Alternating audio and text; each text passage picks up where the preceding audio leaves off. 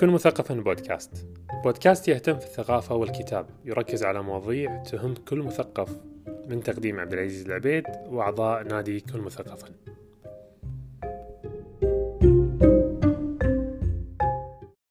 حياكم الله. معكم عبد العزيز العبيد في بودكاست كن مثقفا. هذه الحلقة رقم صفر طبعا كبداية أو خلينا نقول ما, قبل البداية. شنو يعني كن مثقفا؟ كن مثقفا هو اسم نادي كن مثقفا اللي هو أسسته وموجود عندي وأنا رئيسه من سبع سنوات. هذا النادي قصتي معاه جميلة وتجاربي معاه أجمل.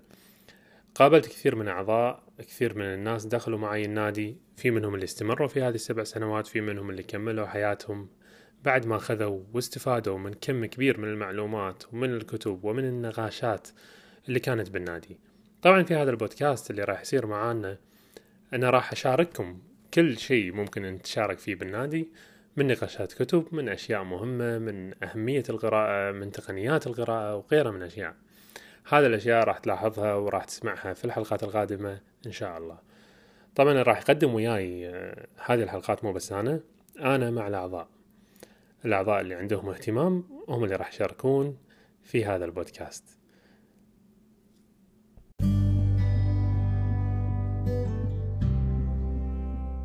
أهمية القراءة. هذا أول شيء حبيت أتكلم فيه في أول حلقة من البودكاست. شنو أهمية القراءة؟ شو تفيدك القراءة؟ أنا بديت القراءة للأمانة بالصدفة. اللي صار معاي إن واحد من أصدقائي شافني إني أحب مواضيع التنمية مواضيع علم النفس وهذه الأشياء. فأخذ كتاب من الكتب اللي عند أمه وأمه كانت أمينة مكتبة. فقال لي أخذ هذا الكتاب راح يفيدك وأحس إنك أنت تحب هذه الأشياء. في يوم خذيت الكتاب وقريته لاحظت إنه شدني. وبديت أحب القراءة من ذاك اليوم. واللي اكتشفته من تجربتي في هذه السبع سنوات أن كل الناس تحب القراءة ولكن الشخص اللي ما قاعد يقرأ للحين ما لقى الموضوع اللي ممكن يقرأه بالكتاب. فالكتاب هو وسيلة لنقل المعلومة. إذا لقيت المعلومة اللي تحبها في كتاب راح تبدي تبحث عن كل معلومة تبيها من خلال الكتب.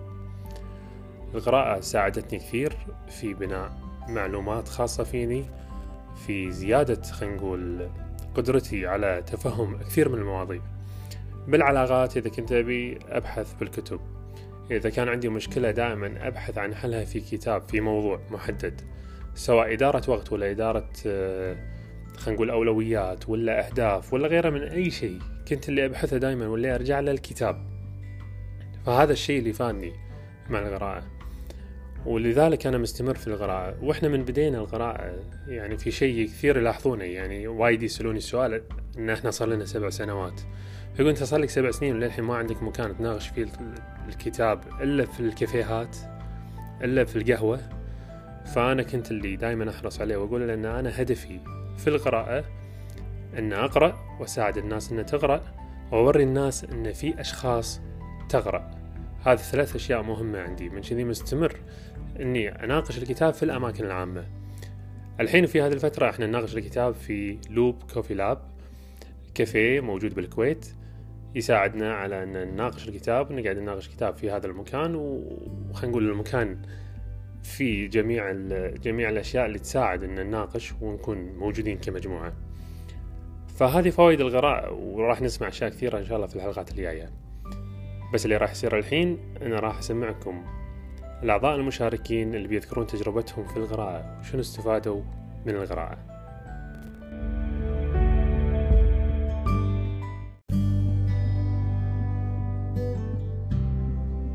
أهلا وسهلا بكل اللي يسمعونا الحين. معكم بدور بورسلي نائب رئيس مجموعة كن مثقفا. القراءة ما أذكر في فترة من فترات حياتي اللي أفطن فيها ما كنت أقرأ. يعني من قصص الأنبياء إلين المجلات إلين يعني وكل ما أقعد مع أحد كان يقول لي لا تخلين شيء بإيدك وما تقرينه. فأنا ربيت أوريدي أنا أقرأ من وأنا صغيرة. ولكن اللي حصل كالتالي أن من بعد ما كنت أقعد مع جروبات آه ومن زمان كنت ناوية أقعد مع جروبات آه تهتم في القراءة فتخلي القراءة عندي مستمرة وكبيرة تكون كثافة القراءة أكثر آه وكثافة المعرفة أكثر. إيه أبي أعرفكم عن نفسي إن أنا تعرفون هذه الدودة اللي عندها نظارة وتدخل داخل الكتب؟ دودة الكتب؟ يس this is me. أنا أحب المعرفة بكل أش... بأنواعها وأشكالها. القراءة كانت جزء من من من هذا الشغف اللي عندي في المعرفة. آه كن مثقفا طور لي إياها وخلاها آه ناضجة أكثر خلاها ممتعة أكثر. آه فهمني أن المعرفة لها كذا وجه. آه أجمل أوجهها في أن إحنا نتعرف على آه ناس كثيرة من مختلف الفئات. من مختلف مستويات الوعي ونتعرف على الكتاب ونعرفهم من ناحية إنسانية مختلفة تماما عن ناحية الكاتب أو عن زاوية الكاتب اللي هو كتب فيها الكتاب. ونصير أصدقاء. فنبتدي نتعرف مثل ما قلت لكم على الكتاب من كذا زاوية. كل واحد فينا له مبادئه له أفكاره له قيمة له طريقة تربية معينة تأثر بشكل أو بآخر برؤية الجملة الواحدة.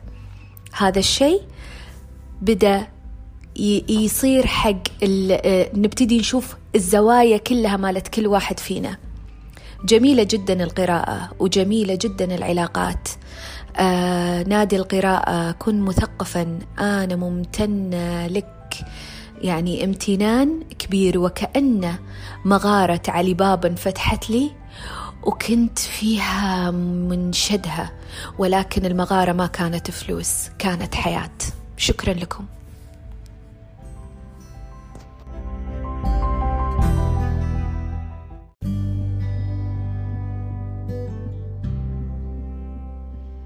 بالنسبة لي أنا أقول أن القراءة سوت لي نقلة فكرية. نقلة وعي. أنا من خلال القراءة يعني مسكت في إيدي علم وثقافة وخلاصة فكر لعدد كبير من العلماء اللي يمكن احتمالية أني ألقاهم في حياتي غير موجودة. يعني ما في احتمال أني أشوفهم وجها لوجه أو في بعضهم حتى يكونون ماتوا من سنوات أو من مئات السنين. فالقراءة يعني عطتني اتساع وعطتني تواصل مع علوم ومعلمين وكتاب. مو ما أحلم إني أشوفهم بس ما في احتمالية إني أنا أشوفهم لأنهم يمكن من قرون أخرى. القراءة وسعت مداركي بشكل كبير وفتحت آفاق الخيال عندي بشكل كبير. سوت لي نقلة في الوعي كبيرة. كتب كثيرة يعني تركت بصمتها في حياتي وخلتني أستمر في هذا الشغف. حاليا القراءة بالنسبة لي هي المتعة الفكرية اللي ما تضاهيها متعة. من خلال كل كتاب أمسكه أحس أن أنا يزيد عمري عشرات مئات السنوات. علم واتساع وقبول وفكر ووعي.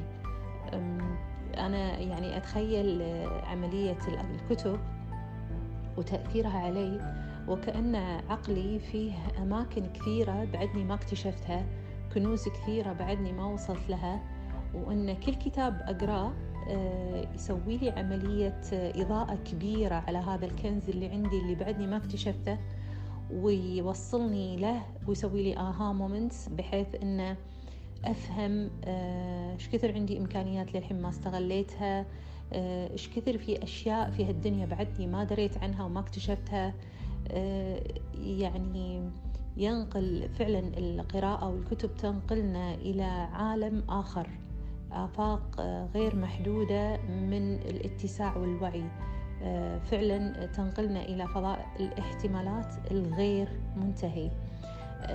يكفينا يعني كلمة رب العزة لما قال اقرأ علشان نعرف قوة وعظمة القراءة والانفتاح على القراءة. لما تكون هي الكلمة الأولى اللي أنزلت على سيدنا محمد اللي رسالته كلها لنقل الناس من الظلمات إلى النور. فأكيد إن القراءة إذا كانت باختيار وبوعي وبنوايا نوايا واضحة تسوي لنا نقلة كبيرة من الظلمات إلى النور. كثير في أشياء تغيرت فيني مع الكتب. آه، حاليا هو صديقي الصدوق الكتاب صراحة. أقضي يعني يوميا مو أقل من ساعتين في اليوم مع الكتب وأحس بأن يعني تنقلني إلى عوالم أخرى آه، ومتعة فكرية يعني ما يقارنها شيء آخر. مثل ما قلت هي تعتمد على آه، لما نفهم إحنا إيش قاعدين نبحث عنه في هذه الكتب شنو اللي نبي نقرأ عنه ونستزيد فيه في هذه الكتب منو الكاتب اللي آه، طريقته والسلاسة آه، اللي يكتب فيها هي اللي تلمسنا والجميل إن عالم الكتب عالم متجدد ومتسع ومتوفر. وبس هذه كانت مشاركتي وكانت معاكم هند العوضي.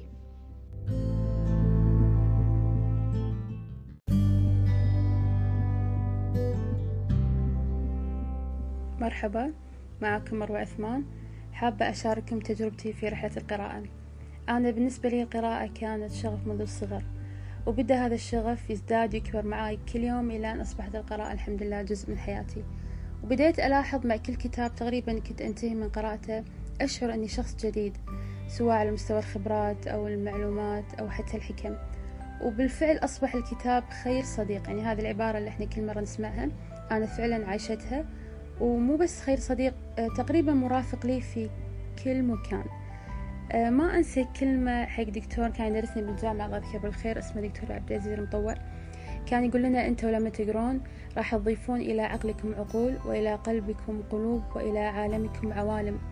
هذا الشيء أنا لمسته حقيقة خاصة لما بديت أنوع في قراءاتي بمعنى ما عادت قراءاتي فقط في مجال معين. فبديت أقرأ في الرواية في الشعر التاريخ التنمية حتى الفيزياء. واليوم آه، اليوم نقدر يقدر شخص بسيط عادي يعرف إذا كان هذا الشخص قارئ أو لا. لأن نشوف الشخص القارئ آه، إنسان متحدث واثق من نفسه عنده معرفة عالية. طبعا المعرفة العالية تخليه يكون إنسان متواضع. نشوفه إنسان منفتح على ثقافات عنده قبول مختلف وسهل يتواصل مع الناس. علشان كذي أنا دائما أنصح أي شخص ما زال إلى الآن غير مهتم بالقراءة أن يدخل هذا العالم الجميل آه، العالم الذي لا يأتي إلا بكل خير. وأفضل بداية هي تكون مع مجموعات القراءة لأن دائما المجموعة هي خير محفز ومشجع. مو بس على الإنجاز في القراءة الإنجاز في القراءة والاستمرار فيها إلى أن تصبح آه، عادة جميلة في حياة كل إنسان. آه، وشكرا لكم جميعا.